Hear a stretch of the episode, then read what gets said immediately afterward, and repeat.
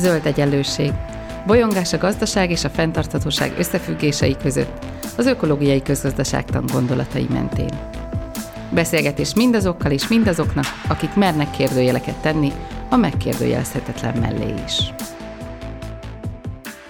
Üdvözlöm a Zöld Egyenlőség hallgatóit, én Gébert Judit vagyok, és a mai alkalommal javításról, dolgok, emberi kapcsolatok, társadalmak helyrehozásáról fogunk beszélgetni. Ehhez vendégem ma Érdi Péter, aki komplex rendszerekkel foglalkozik, egyrészt Kalamazoo College-ban, Michiganben, másrészt pedig Budapesten is előfordul időnként, Wigner Fizikai Kutatóközpont, Részecske és Magfizikai Intézet Komputációs Tudományok Osztálya, Elméleti Idegtudomány és Komplex Rendszerek Kutatók Csoport, ha jól mondom, tagja egyaránt. Hát üdvözöllek Péter itt a Zöld Egyenlőségben, és nagyon köszönöm, hogy elfogadtad a meghívásunkat. Szerbusz Judit, te tudod, hogy nekem kell megköszönni, hiszen ez egy alkalom arra, hogy a zöld egyenlőség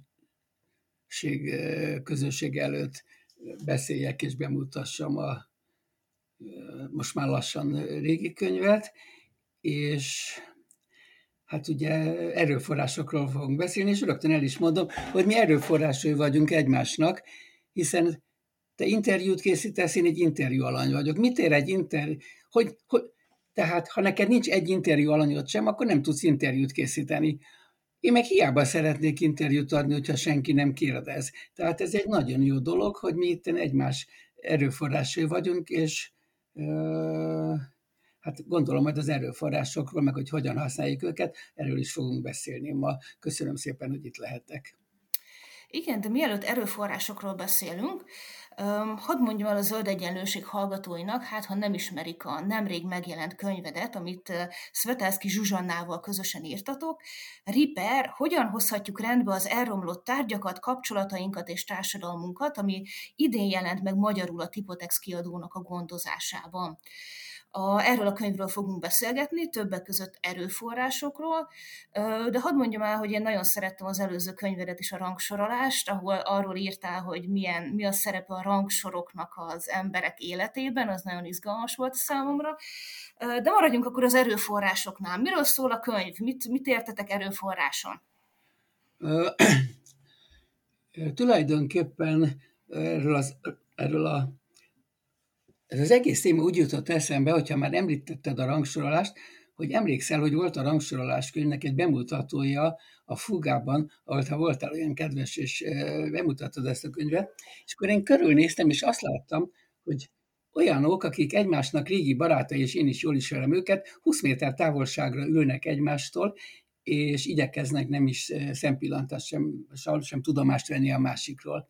Hallottam már plegykákat, hogy 40 éves barátságok hogyan romlottak el. Én is benne voltam valami eh, barátság elromlás, és az első kérdésem az volt magamnak, hogy de én a Ripperről fogok írni, hát hogy a dolgok, hogy az egész világ is valahogy javításra szorul meg az emberi kapcsolatok, és lehetne erről egy könyvet írni.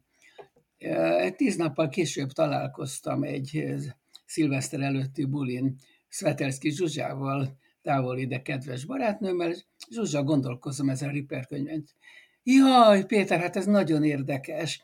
És akkor mindenféle írományokat küldött nekem a következő napokban, aztán gondolkoztunk nem olyan könnyű társszerzővel könyvet írni, végül is elhatároztak, hogy írunk egy könyvet, és volt egy aha pillanatunk.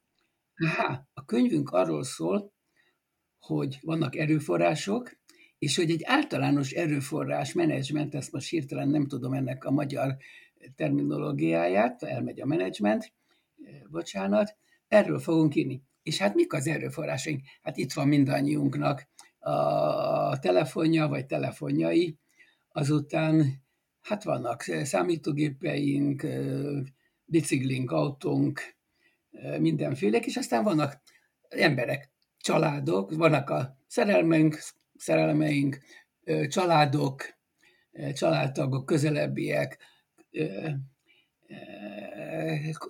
illik tartozni, azt mondják, legalább három különféle közösséghez, illetve jó, nem is illik, jó tartozni különféle közösségekhez, kis közösségekhez. Ezek nagyon fontosak, és akkor vannak a globális erőforrások, hát úgyis, mint ország, de úgyis, mint levegő, víz, általános javak. És hát egy darabig ezekkel nem volt probléma, aztán hát a, a, mit kell csinálni ezekkel az erőforrásokkal, hogyan kell, kell úgy gazdálkodni velük. Hát én ezt fontosnak tartom, hogy boldogság, hogy boldogabb ö, életet érjünk. Ö, tulajdonképpen a könyvnek az alapgondolata az volt, hogy az előző időszakban az eldobható vagy eldobó throw hát inkább lehet, hogy az eldobó kicsit jobb, mondják barátaim, mint az eldobható társadalom. Hát ez nem volt, hogy mindent el lehet dobni, át lehetett érni a javító társadalomra, Repair Society, nem nagyon találtuk. Végében hagytuk magyarban a, a, a magyar címben a Ripert, és van, aki azt mondja, hogy ezt nem kellett volna, e, nem találtuk a megfelelő kifejezést.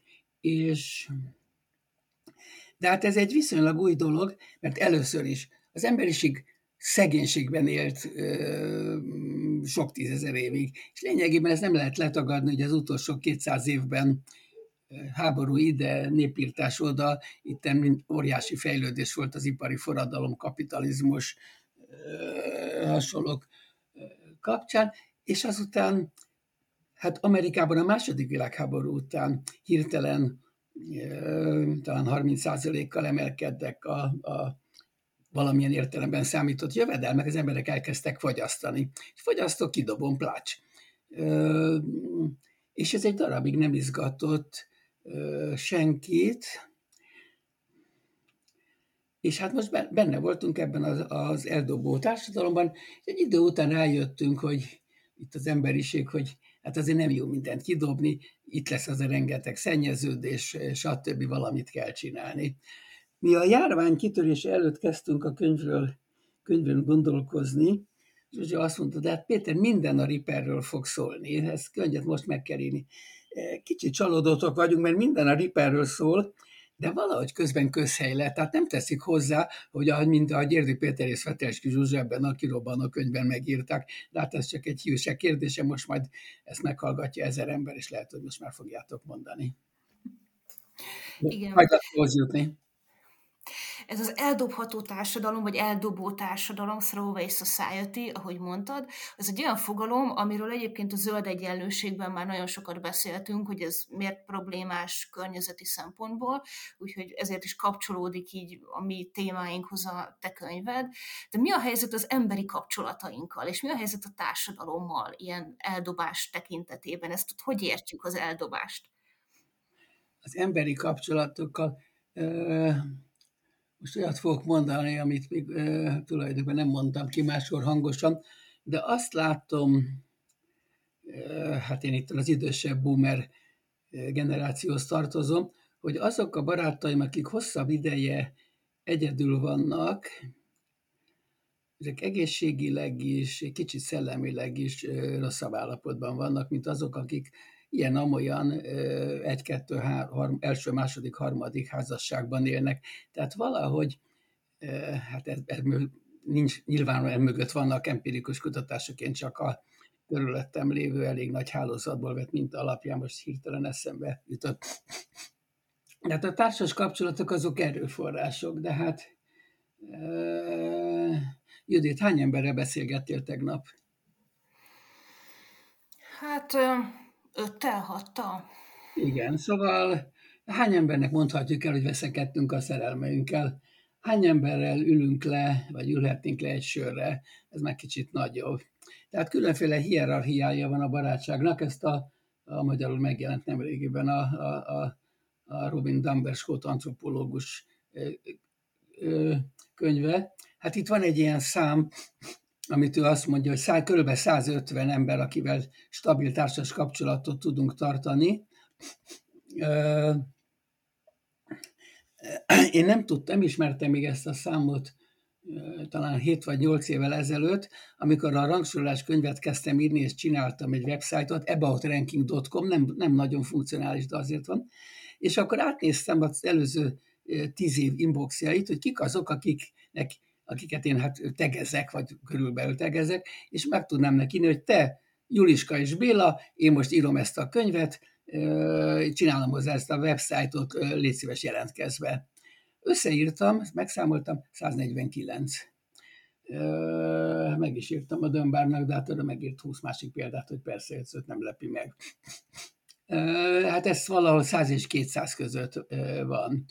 Jó, hát ez, ezek, és hát ezek közül van három-öt nagyon fontos, hát két olyan baráti házas pár van, én itt Michiganben ülök, akiket, akikkel vasárnap két órán keresztül zoomolunk az elmúlt időkben, és jól összeveszünk azon, hogy a kapitalizmus jó dolog, vagy nem jó dolog, de ezt mostan csak mellékesen mondom. Szóval ezek a társas kapcsolatok, ezek fontosak. Hát a minőségi kapcsolatokra vonatkozik, nem csak az ismerősökre, bár ez sem olyan egyszerű. Szerintem ezt mindenki tudja.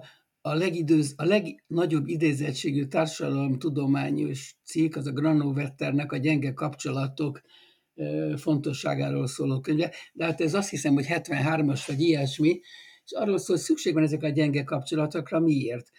Hát ő azt mondta, hogy hát vannak a klikkek, ahol mindenki mindenkit ismer, de hát ott már úgy is tudunk minden információt, tehát jobb egy kicsit távolabb menni, főleg ha munkát keresel, mert akkor valakinek ott lesz valami tipp, hogy te, van még ez a dolog. Hát internetes álláskeresésnél az egész minden kicsit máshogy néz ki, de nem igaz. Még itt is, itt is szükség van arra, hogy, hogy valakit, akit nem, nem nem a mindennapi barátunk, és gyakran ezek a kicsit távolabbi ismerősök jó indulatok vagyunk egymással, fele barátainkkal, beprotezsáljuk őket valahova. És hát én, én, én hát nem tudom, az előző, vagy következő generáció most már kimegy a Facebookról, én rajta maradtam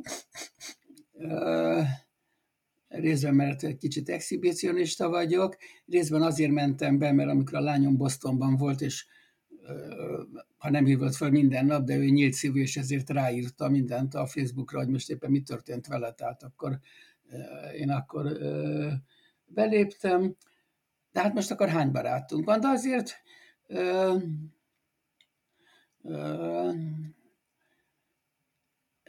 meg szoktam nézni, hogy hányan lájkolnak valamit. Én szeretek felrakni szép képeket, meg szeretem felrakni, hogy a feleségem jól van, és lehessen őt látni, és akkor örülök neki, hogyha meg is mutatom neki, én jobban használom, mint ő, hogy, hogy hány darab osztálytársa az Adi Endre gimnáziumból lájkolta, egyébként meglepően sokan. Zárójelben hozzáteszem, hogy még egyszer hivatkozom idős boomer koromra, hogy felértékelődnek ezek a régi barátságok, ezt csak a középgenerációnak mondom.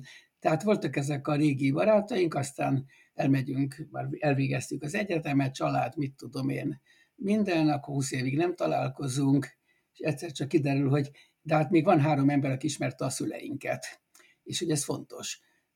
Meg ilyesmit, tehát számomra fölértékelődtek ezek a régi barátságok, bár az az egyik éppen fájdalmasan most megszűnt, azt sem tudom, hogy miért.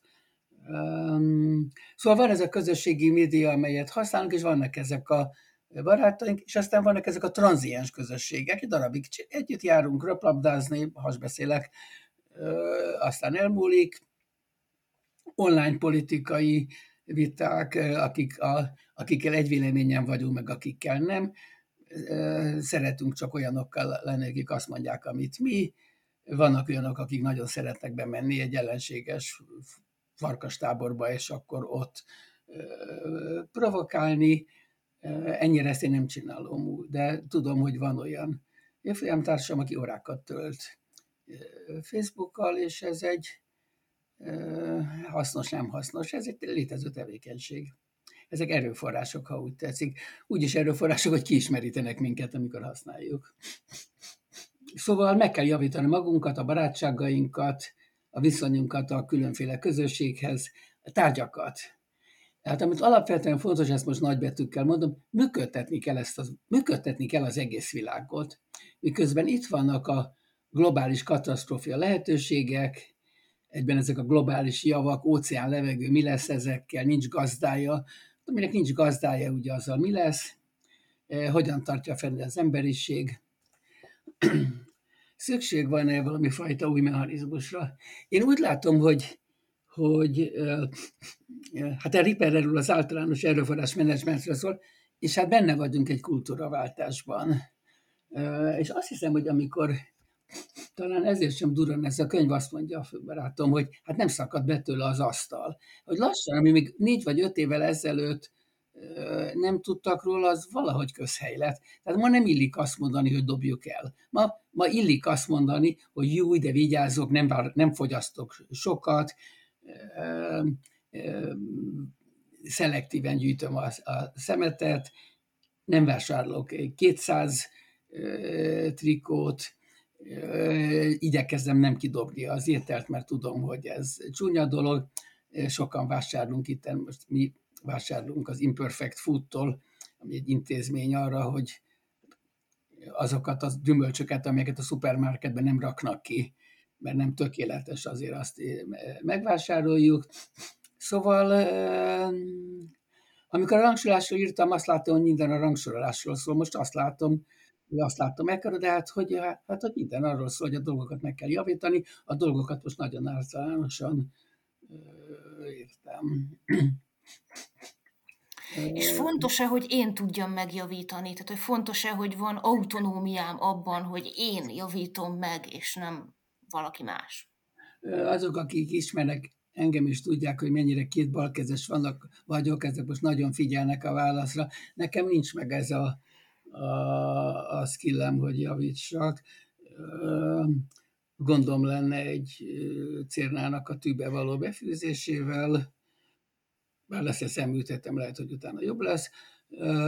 Szóval szerintem fontos lenne, de ezt én nem mondhatom, mert nem, nem nagyon tudom csinálni, de tudom, hogy vannak ezek a, a, a Ripper kafék, ahol együtt elmennek emberek, szerszámokat elvisznek, egymást segítik. Ez a rendbehozás kávéház, ez Hollandiában jött, Van der Zarden kezdte, Hát ez fontos. És hát fontos az, hogy újrahasznosítás. A könyv elején elírtunk történeteket, nekem van néhány gyerekkori történetem, hát az egyik a Matuszka bácsi a Schuster a Visegrádi utcában, hát nálunk ugye az generáció mindenki futballozott, hát focizott, és hogy mi lett ezekkel a cipőkkel, hogy ezeket meg kell javítani, ez nem merült föl, hogy az ember kap egy másik cipőt. A másik Ella néni a fehér nemű varó volt a, a családnak valami távoli, sokat beszélő rokona, és édesapámnak voltak ingei, apám egy bőrgyárnak a főmérnöke volt, és voltak ingei, amelyeket a cseres műhelyben használt, és voltak ingei, amelyeket amikor a minisztériumban hívták be.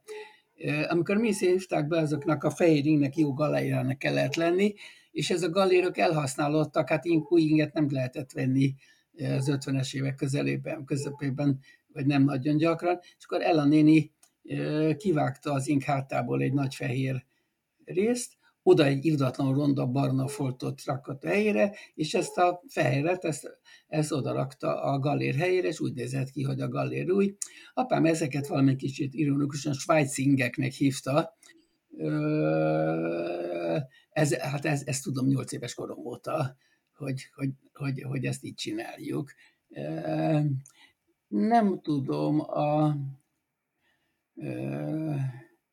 de nagyon érdekelne, hogy, hogy ezt a következő generációk hogy látják, valahogy, valahogy nincs ez annyira benne gyerekeim, unokáim, Kérdezgettem őket, nem, nem tudok határozott választ adni. Valószínűleg nekünk a, a háború utáni gyerekeknek ez egy kifejezettebb élményünk, hogy a dolgokat meg kell javítani, és később azután ez eljött tényleg, hogy hurrá, ki lehet mindent dobni. A, hát az, hogy a kidobásnak következményei vannak, hát például szennyeződési problémák vannak. Hát egyetlen könyv a halál, a, a megbolondultam, Néma tavasz, nem halálos tavasz, bocsánat, az más, a, a, a Néma tavasz, talán 62 életben, hát hogy itt, itt nagy baj lesz, itten, itten kihalnak a, a, a, az élők, és akkor, akkor itten e, mi fog történni. E, érdekes, ez elég hamar megjelent Magyarországon is, sőt azt hiszem, hogy a DDT-t először Magyarországon tiltották be, gyerekkoromban Gezarol volt a neve. De azt, na azt, igen, de most akkor győztünk? Hát nem győztünk, mert ugye Afrikában kell használni DDT-t, ugye, mert a, hát ez a leghatékonyabb gyógyszer a malária ellen. Most a, a nem mesélem el a DDT történetét, tehát ez nem olyan egyszerű, hogy hát először Nobel-díjat adtak érte, ez megnyerte a háborút, mert az amerikai katonák nem kaptak tetveket mert használták őket, de utána akkor jött ez az egész növényvédőszer, itten hullik minden, de hát be, be lehet tiltani, de akkor most mi legyen? Akkor, a, akkor hagy, hagyjuk, hogy a Afrikában, maláriában meghaljon a, a fél kontinens. Szóval ezt tudomásul kell venni, hogy ilyen egy és másrészt válaszok vannak, és, és erre nincs, nincs uh, határozott válasz. Amíg magamnál meg, meg, megtartom még a, a szót, mert fontosnak tartom elmondani, hogy az egész gondolatkörben, amikor a Ripperről volt szó, javításról volt szó, de csak azt lehet megjavítani, ami elromlott, és csak az romolhat el, ami jó volt. Tehát az első, befejező, az első bevezető fejezet után a második fejezet az aranykorról szólt, és a harmadik hogy arról a mechanizmusokról, hogy hogyan romlanak el a, a dolgok. Hát erről, erről nem fogunk tudni megállapodni, hogy volt-e aranykor vagy sem, mit is jelent az, hogy aranykor. Hát ezt tudjuk, tudjuk a különféle aranykorokat, nem tudom, Periklész, meg mindenféle. Én nagyon szeretem a Woody Allennek az Éjfél Párizsban filmjét, hát az aranykor, és hát az iránta való nosztalgia vezeti az eseményeket. Szerintem mindenki ismeri a könyvet. A van a főszereplője egy regényíró, boldogtalan, elmegy Párizsba a, a mennyasszonyának a családjával, elég hamar rájön, hogy dehogy veszem el ezt a nőt, nem megyek vissza, most nem tudom, talán Santa Monikába, és ó, de milyen jó lenne inkább a 20-as évek Párizsban élni, és valami, egy filmben mindent lehet, eljut a 20-as évek Párizsába, találkozik mindenkivel, Dalival, Hemingway-jel, más Porterrel, Picasso-val, megismerkedik Adriánával, akkor már még biztosabb, hogy nem fogja elvenni a borzalmas mennyasszonyát. De hát az 1920-asok is azt mondják, hát ez nem igaz, a Belle Epoque, az 1880-as évek impressionisták, az volt az igazi. Hát a történetnek soha nincs vége. Feltehetőleg, hogy a század a Belepok a reneszánszba vágyott, a Michelangelo pedig szeretett volna, erre nincsenek adatai, mondjuk az, az ógörög vagy, vagy római korban élni. A múltkorában új, újra néztem az Oké Nero című filmet, de ezt most megtartom, ezt most itt öncenzúra nem folytatom ha egyszer ez az idealizált aranykor mindig így később van az időben, vagy korábban, ahonnan nézzük, miért fontos mégis, hogy gondolkodjunk erről, hogy milyen az aranykor? Hát referencia alapokra mindig szükség van. Különben csak lebegünk a, a, a, az, az űrben. Tehát jó elgondolni, hogy ilyen volt, vagy lehetett volna. Ez szinte már, most mondjam azt, hogy mindegy, hogy volt-e, vagy csak gondolunk rá, milyen is egy ideális világ, az ideális világtól való ö, eltérés. Ö, ö, szóval vannak normák, amiket úgy, hát írunk, hogy aztán eltér tőle. Kedvenc tanárom, Benedek Pál mondta, tervre szükség van. Miért van szükség tervre? Azért van szükség tervre, hogy tudjuk mérni a tőle való eltérést. Hát így az aranykor is így van, van valami idealizált képünk azért, hogy lássuk, hogy mennyire nem vagyunk ott. Hát ebben az aranykorban te ideális harmónia volt ember és természet között. Tudik, nem volt szükség mezőgazdaságra, ezek a gyümölcsök csak ott lógtak a fán, időtlenül, és nem volt semmifajta időbeli folyamat. Amikor elkezdődött, hogy Hát ez nem így van, most már muszáj állatokat tenyészteni, meg, meg, meg, meg szükség van a mezőgazdaságra, akkor valamit csinálunk a környezettel. Ezt használjuk, túlélünk, meg közben hát egyszer csak kiderül, hogy a, hát azért megkezdődött a mezőgazdaság, ezzel elkezdődött a környezet pusztítása is. De hát ez, ez, ez, ez, ez így van.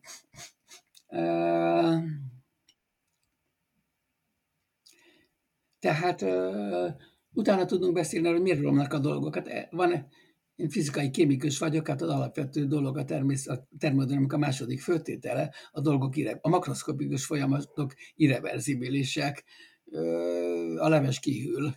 Ez a gulyáslevesnél ez baj, megylevesnél nem annyira. És Hát a másik, ugye, hát a, amit most csak látom, én majd leestem a székről. Én tudom, hogy 2002-ben jöttem ide először, és az első év végén egy diákom kértem valamit, tanár úr, én kiégtem. Mit csináltál? Hát I'm burned out. Én most nem tudom ezt megcsinálni. Én ezt akkor hallottam itt, hogy, és rácsodálkoztam, hogy ezt lehet mondani? Tehát, hogy ezt egy 22 éves, egy hónap múlva a Kalamazoo College Picsike legdrágább felsőoktatási intézményében végezni fog,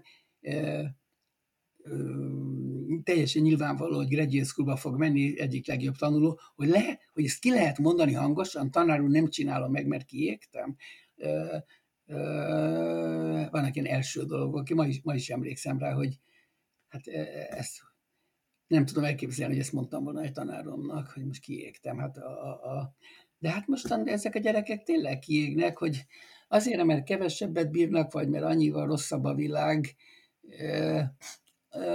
Ha jól értem, a legalábbis bizonyos globális vállalatoknál van egy változás a mechanizmusban. Régen az emberek azért dolgoztak sokat, mert a főnökük szorította rá. Most viszont azért, mert saját magukat zsákmányolják ki, hat nap hat napot reggel 9-től este 9-ig, és hát van ez a mozgalom, hogyha csinált hat napon keresztül, reggel 9-től 9-ig, és az ICU-n, a intenzív care uniton a, fogod magad találni, ezt a kínai szoftveresek kezdték ezt a websájtot, hát hogy, hogy, hogy százával égnek Szóval, hogy, hogy a, egy ilyen kis cégnél a szá, néhány száz ember van, és a fele azt mondja, hogy ő teljesen kiégett, és ez a kiégés, ez, ez hogy kell mérni? Tehát ez nem olyan, hogy egy hosszú hétvég alatt rendbe jössz.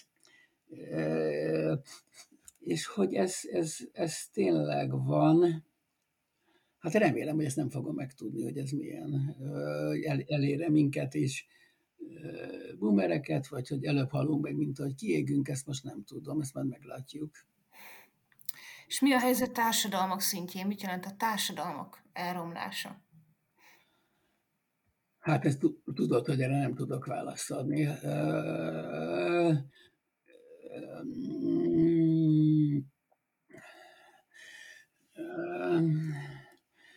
Hát társadalmak, hát milyen lehet, én nem tudom megmondani, ti tényleg sokat vitatkoztak, belehallgattam valamennyi ideális társadalmak, kell-e folyamatosan mm, növekedésben gondolkozni,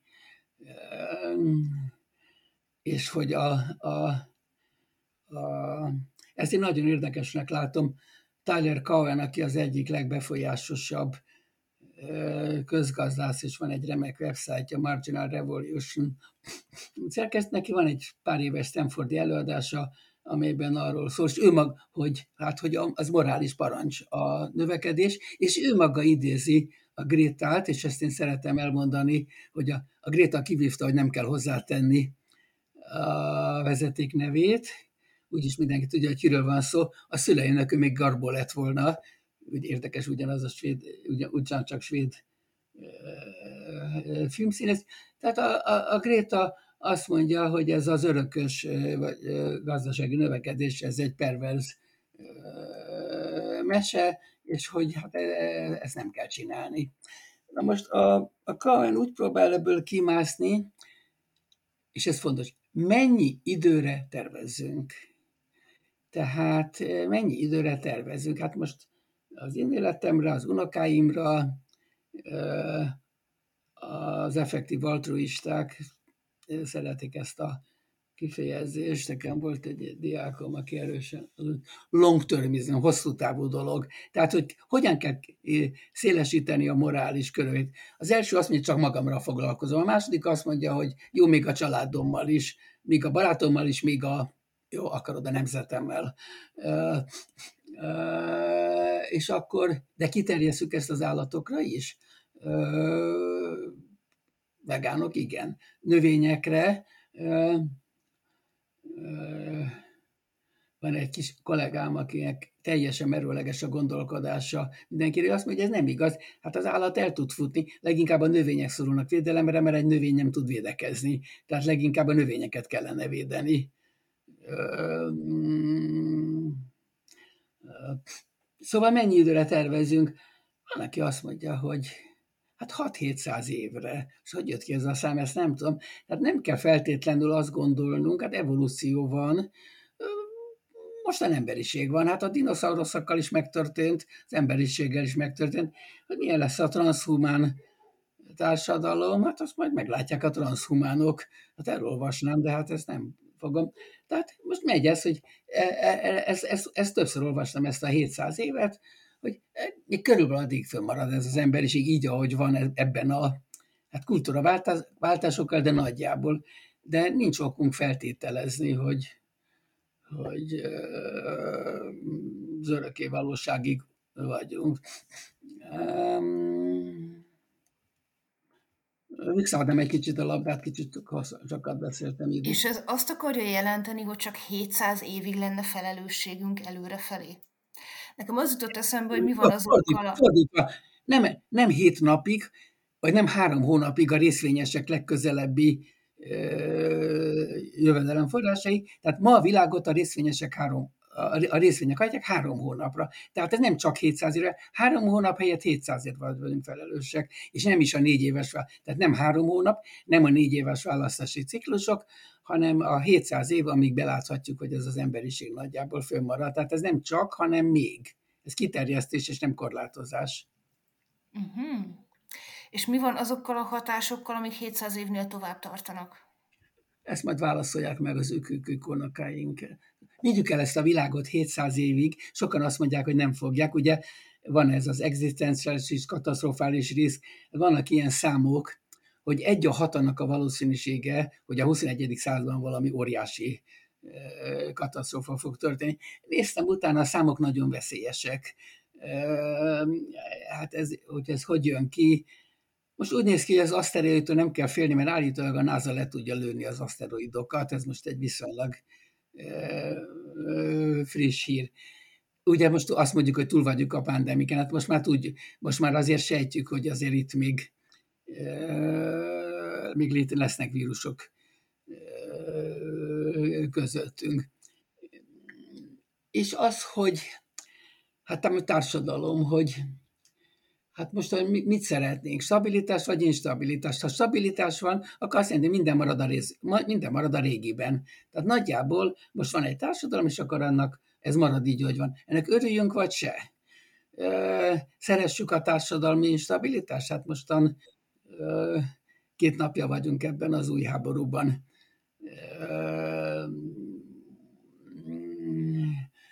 Hogyan gondolkozunk ezekről, nem tudom. De hát nem, a, tulajdonképpen arról van szó, hogy bekerülünk egy új korba, miközben nem tisztáztuk az előzőt, hogy mik voltak. Posztkolonializmus. Hát most a belga király valamikor bocsánatot kért Kongóban. Ezzel el van intézve a dolog? Szét kell verni a szobrokat? a, a, a Dél-Afrikában leverték. A, hát volt a a, a, azt remélte, hogy szeretne egy vasutat, én nem is tudom, azt hiszem, hogy Fokvárostól Alexandriáig egy, ang, egy angol vasutat meg fognak ölni. Olyan nagy baj lett volna, ha ez a vasút fölépült volna? De hát világos, hát most nem visszavonom a kérdést, hát ez azt lehet mondani, hogy senki nem, Afrikában nem kérték az angolokat, hogy kértszerítsék rájuk a kultúrájukat, láttuk ezt az egész Indiát, de hát azt is látjuk, hogy boldogabbak lettek ezek az országok, nagyon veszélyes, amit mondok, boldogabbak lettek ezek az országok, amikor kivonultak a, a gyarmatosítók, Marokkó talán igen. Érdekes, hogy csak 12-től 56-ig voltak a franciák, de ez a 44 év azért nagyon rajta van a marokkói kultúrán. De ezzel egyáltalán nem számoltunk el ezzel az egész, hogy benne vagyunk ebben a posztkolonialista időben. De most meddig kell visszamenni büntetni? Most akkor George Washington büntetni kell, hogy rabszolgák tartod? De hát akkor azt a morált az, a, a, a, az akkori idők szerinti morál szerint, az akkor, a viselkedés az akkori morál szerint kell kiértékelni, és nem a mostani szerint. Itt a Kalamazoo College-ban ki van írva, ez, Kalamazoo, ez egy indián, indián vidék volt. Lopott földön vagyunk a college-ban. Most akkor mi van? Adjuk vissza azt a college-ot? Hát nem tudjuk. Én bevallom, nem tudom. Azt hiszem, hogy nagyot nem tévedhetek. Azt hiszem, hogy nulla darab native indián diákot láttam itt. Azzal együtt, hogy ki van írva, hogy, hogy lopott földön élünk. A, szóval ezek nehéz dolgok. Én arra lennék még kíváncsi, hogy például a kapitalizmus működését hogyan tudjuk megérteni ezen keresztül. Jó, hát azt láttuk, hogy a társadalmak meg kell tudni oldani a problémáikat kapitalizmus előtt. Én a háború után születtem, tehát benne értem ebben az egész szovjet érában. Hát ezt láttuk, hogy a Szovjetunió nem volt képes megoldani a, a, a problémáit, és ez a, az, az összeeséséhez vezetett. Kapitalizmus ide vagy oda, a kapitalizmus sem tud mit csinálni földrengésekkel, erdőtüzekkel. Vajon tudna-e tenni tőzsdei katasztrófákkal? Ezt én nem tudom.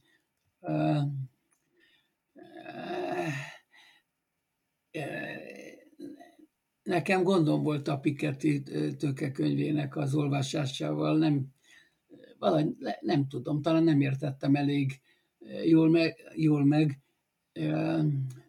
Hát az, hogy mi is a mechanizmus, amelyik a gazdasági egyenlőtlenséget, hát ezt látjuk, ezt létrehozta, és hát a kérdés ugye az, hogy, hogy ugye hát amikor van, aki azt mondja, hogy amikor a gazdagok gazdagodnak, akkor mi lesz a szegényekkel? És akkor két válasz van, hogy a szegények még szegényebbek lesznek, vagy a szegények arányosan gazdagabbak lesznek, mint voltak, de hát azért összességében az egyenlőtlenség mégis nő. Nehéz ezt megmondani, ugye vannak ezek a Bangladesben, akkor utána néztem, most már nem tudom a számokat, talán 5000 darab ilyen ruhagyár van, és hát akkor arról, ugye 13-ban volt, amikor ez a nagy, tudom, tízemeletes háza, ahol az üzem volt össze, dőlt sok embert maga alá tehát kiderült, hogy ezek az emberek 50 dollárt keresnek egy hónapban, később aztán akkor egy darabig felemelték 100 dollárra. De mi volt előtte? Előtte otthon voltak, és 2 dollárt kaptak. Tehát hát, hát ezt kell látni. Közben volt egy 25-szeres növekedés. Én ezt nem akarom ebből a, a, a, a kapitalizmus apologetikáját mondani, de, de, de hát volt, nem lehet letagadni, hogy volt egy relatív fejlődésig. Most aztán, hogy ez el fog teljesen hát most azért afelé megyünk, hogy azt látjuk, hogy, hogy jelenleg a, a gazdasági egyenlőtlenség növekszik, és nem nagyon látjuk, hogy ezt hogy lehet kordában tartani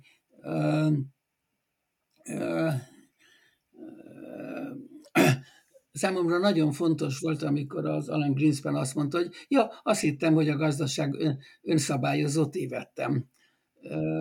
És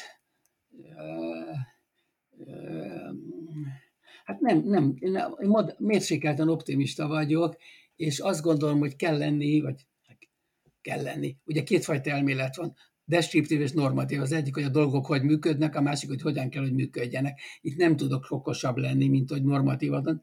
Remélem, hogy van, lesz, vagy kell lenni olyan társadalmi mechanizmusnak, amely valami fajta a biológiából ismert homeosztázisnak a szociális általánosításra visszatér, tehát hogy valami fajta eh, mechanizmus biztosítja, biztosítani fogja azt, hogy az, az olló ne nyíljon, ki, ne nyíljon ki túl szélesre, és lesz valami fajta újraelosztási mechanizmus, amelyik korlátossá teszi a,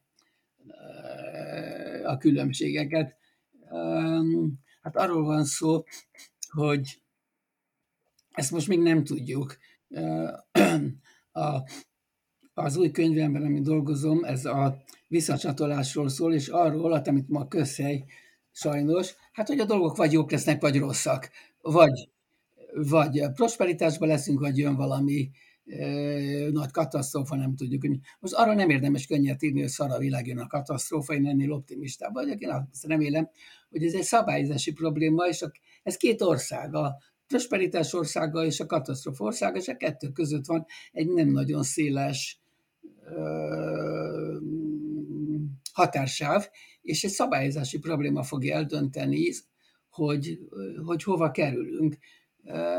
Egyre föl kell ismernünk, hogy, hogy az önszabályozásnak van ereje, de, de korláta is vannak. Ezt látjuk a világban is.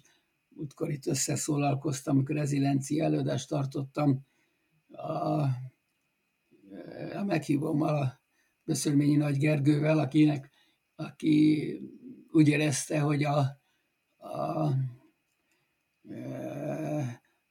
ezt a világot, hogy a, a, a, a Gája hipotézist azt, azt, azt nem tette a tudomány lehetetlen, és hogy a Föld egy önszabályozó rendszer, és valahogy ez mégis működik. Én azt hiszem, hogy ez nincs így. Én abban a vitában ugyan úgy túlságosan meredeken azt próbáltam állítani, hogy hát, hogy ez kijön a nem egyensúlyi termodinamikából, hogy nem, az, ez persze nem igaz, ezt nem tudjuk bizonyítani, de azt hiszem, hogy, hogy a, az önszabályozásnak a Földön is vannak ilyen korláta, és hát úgy néz ki, hogy a gazdaságban is. Ha nincs önszabályozás belülről, akkor kell kívülről szabályozni. Ki fogja szabályozni kívülről?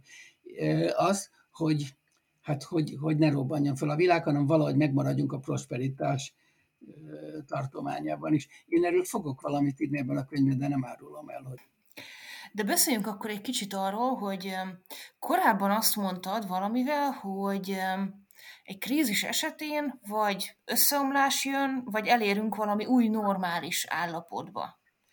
Mi ez az új normális? Hát ezt nem látjuk. Ugye e, e, ezt úgy szoktuk rajzolni, hogy van egy, egy a, a, van egy, egy, egy valamifajta gödör, gödörnek a mélyén van egy labda, a labdát egy kicsit kirúgjuk a gödörből, akkor az vissza fog menni. Hát ez a stabilitás világa, hogy ez a kisebb perturbációk, ezek, ezek visszamennek. Ha úgy tetszik, a, a, a klasszikus gazdaságtan ezen alapul, hogyha vannak kisebb, meg, kisebb eltérések a, az egyensúlytól, a, a a, az igények és a lehetőségek között, akkor ezt a mechanizmus helyreáll. Ha jó nagy eltérés van, akkor kijövünk ebből a völgyből, és mi van a völgyön túl? Hát nem látjuk. Egy másik völgy, de az hogy néz ki? Hát ezt nem tudjuk. Nem tudjuk. Annyit tudunk, optimistán szólva, hogy na jó, ide nem tudunk többet visszatérni. Most ki kell találni, hogy mi legyen. Most éppen aktuálisan a kedvenc ciccem, nem mondom le az egészet, a, a, az a vége, hogy ugye hát, hogy özönvíz van, és akkor tíz nap, tíz nap, tíz nap van arra, hogy tíz nap múlva özönvíz lesz, és a különböző ország mit mondanak. A Knessetben azt mondják, hát most aktuálitáson zsidók tíz napunk van, hogy megtanuljunk a víz alatt élni. Nem, nem tudjuk, hogy, hogy mi az új normális, majd ki kell találni, ez benne van a Ripper könyvben, akit a vicceleje is érdekel, olvassa el. De hát valami, valami más. De az, hogy valami más lesz, ez egy lehetőséget ad. Régen ezt ugye kreatív destrukciónak hívták, kreatív pusztításnak nem lehet visszamenni. Jó, meg rossz. fogjuk még visszasírni. Van ez így, lehetséges olyan bennük, hogy fogjuk még visszasírni. Ja, ez az aranykor volt. Nincs visszaút az aranykorhoz. Most egy másik kor jön. Majd lesz valami. Hát én úgy látom, hogy hiszek Tyler 6-700 évig lesz valami, hogy utána mi lesz. Hát Judit, ezt nem tudom, majd írd meg nekem. Tudom, hogy nem tudjuk, mi lesz, de azért, hogyha víziókról beszélünk, akkor milyen a Ripper társadalom víziója? A Ripper társadalom víziója, hogy tudatosul bennünk, tudatosul bennünk, hogy vannak erőforrásaink, és az erőforrásai, ezek értékek, akire vigyázni kell. Nem tudom megmondani, és kicsit nézegettük, ezért konkrét adatokat nem látunk, hogy vajon azok az emberek, akik jobban vigyáznak arra, hogy a tárgyaik ne törjenek szét, azok jobban vigyáznak-e az emberi kapcsolataikra. Tartok tőle egyébként, hogy ez nincs így. Van, akinek például sokkal fontosabb egy valamilyen régi tárgya, mint a barátai. Szóval ez, ez a vízió benne van, a dol, hogy a dolgokra vigyázni kell, a dolgokat meg kell javítani, és aztán föl kell ismerni, ez nehéz, nem megy, nem megjavítható, és akkor most mit lehet csinálni? Vagy helyettesítjük valamivel, vagy az egészről lemondunk. Ez az egész kérdéskör, amit, amit kérdezel, leginkább az ellenálló képesség fogalomhoz tartozik. Én azt a, néha nem fordítják le ezt a reziliencia, hogyan kell reziliens rendszereket tervezni, és egyáltalán kell. Ez a fogalom az ökológiából jött elő, jön mindenféle, de a világ valahogy működik, mindenféle strukturális zavar van, de a funkció valahogy fölmarad. A színházban azt mondják, hogy de show must go on. Akármi megy, nem tartozik a nézőközönségre, tessék, a, a, mi van a függöny mögött, tessék kimenni és eljátszani a darabot. E, hát próbáljuk mi is ezt csinálni, hogy ez van, az amaz van, de hát minden pillanatban nem sírunk, azért a, a, a, föntartjuk a, a, a mosolygós arcunkat.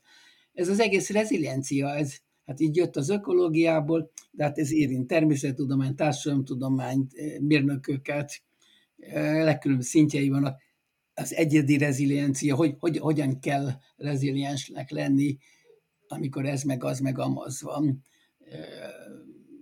netán betegségek idején. Közösségi szinten, regionális szinten, globális szinten ez elég nehéz lesz. Hát ennek millió, ugye ez volt ez a a közlegelő tragédiája, akinek nincsen gazdája, és akkor ennek a különféle általánosítása. Erin Ostrom az első női közgazdász Nobel-díjas, most megvan a második, ezt elég jól körüljárt, és azt mondta, hogy hát vannak tervezési elvek, és hogy ez akkor is, hogyha nincsenek általános elméletek, valahogy rendbe lehet hozni a világot. Ez egy nagyon optimista eh, nézet volt. Tehát valamit a személyes eh, tragédiák során és a természet társadalmi katasztrofák után is valahogy vissza kell érni az élhető körülményekhez. Hát itt láttuk, elég nehéz, ugye itt minden három hónapban iskolai lövöldözések vannak. Eh, itt különféle, most van, ahol azt mondják, hogy nem lehet többet visszamenni, és építenek egy másik iskolát két mérfölddel arrébb, már nem rakják vissza a gyerekeket. Van, ahol azt mondják, hogy de fönn kell tartani, muszáj emlékezni, visszamegyünk, és éljük a normális életet. Nem tudom. A, a, Szóval azt azért látjuk, hogy sokszor a természetes, a természeti katasztrófáknak társadalmi előzményei vannak.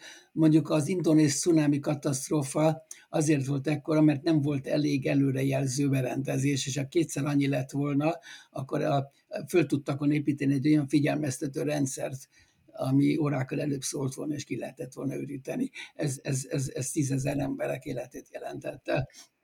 Um,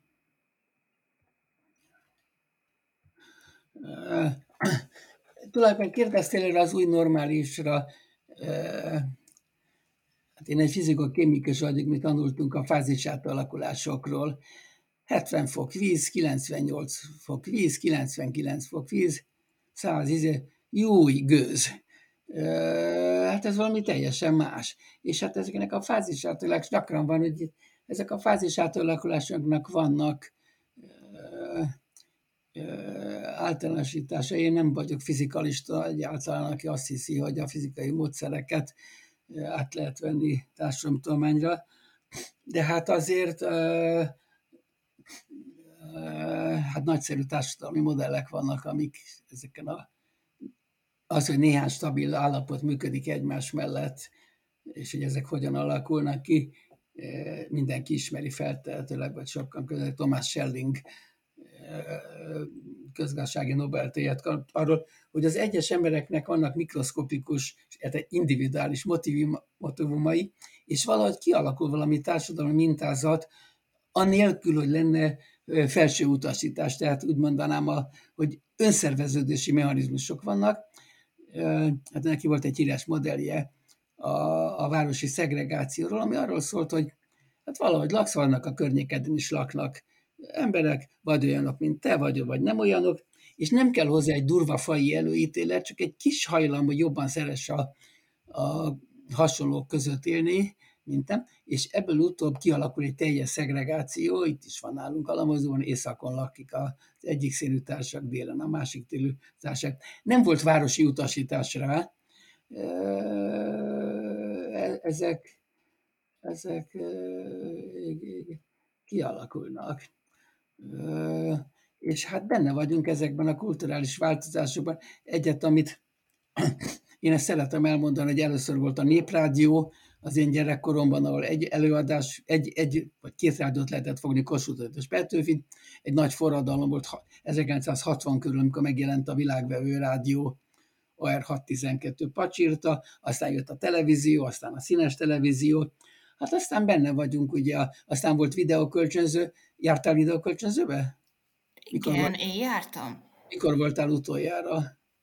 Nem hát 90-es évek elején? még 2002-ben kijöttünk, akkor még jártunk, és akkor jött ugye a Netflix, először csak elküldte levélbe a postán, hogy ezt nézd meg, és küld vissza három nap múlva különben megcsavarja az orodat, és tiszel annyit kér, és akkor most van ez a Netflix forradalom, talán kicsit megy le éppen, vagy fene tudja, vagy, vagy csak túl, van a, túl vagyunk a Covid-on, amikor folyamatosan mindenki egész nap Netflixet nézel. Szóval én azt hiszem, hogy elkezdődtek egy nagy kulturális változások amelyben lényegében, és ez most, komoly, ez most komoly és nagybetűkkel mondom, tehát most már kimegyünk ezekből a, az eldobó társadalomból, és valahogy tudjuk, hogy a dolgokra vigyázni kell. A könyv ezért nem lett ö, bestseller, mert most már ezt mindenki tudja. Négy évvel ezelőtt még, még üvöltött volna.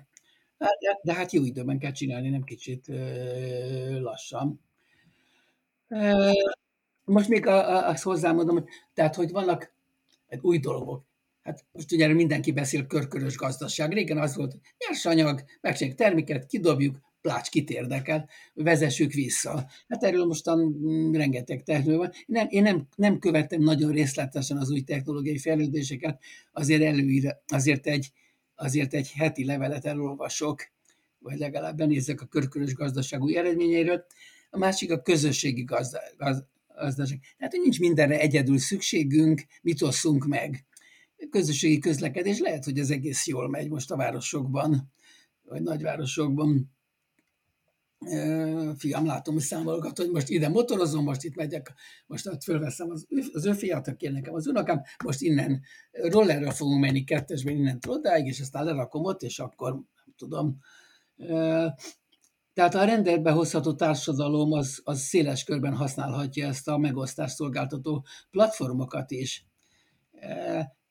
Tehát, hogy, hogy, hogy ugye peer-to-peer mondja az angol, tehát, hogy egyszerűen ez egy hidat teremt emberek között, segítségül összekapcsolja az embereket, kihasználatlan termékeket, szolgáltatásokat, segíti az ügyletek lebonyolítását. Egy, mondjam, hogy szép új világ, nem tudom.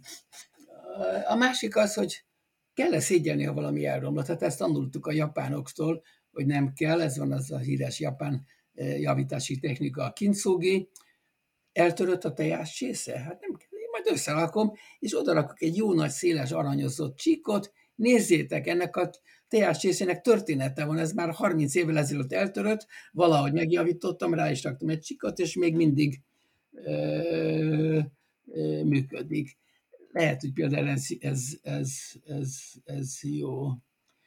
Ö, ezt a kincsugi tette a, a, a Rippernek a japán kiadásában egy ilyen teáscsésza van a címlapon. Igen, ez egy nagyon szép metaforája, azt hiszem, ennek a javítás gondolatnak. Beszélgetés vége felé, ha kérdezzem meg, mikorra várhatjuk a következő könyvedet? A, az angol verziót úgy látom, hogy egy kicsit lelassítom, és márciusban leszek kész, kicsit ezt még át kell gondolnom. Tulajdonképpen nem döntöttem el, nekem az egész, úgy szoktam könyvet írni, hogy kész az egész a fejemben, és a részleteket csinálom, de most még nem döntöttem el.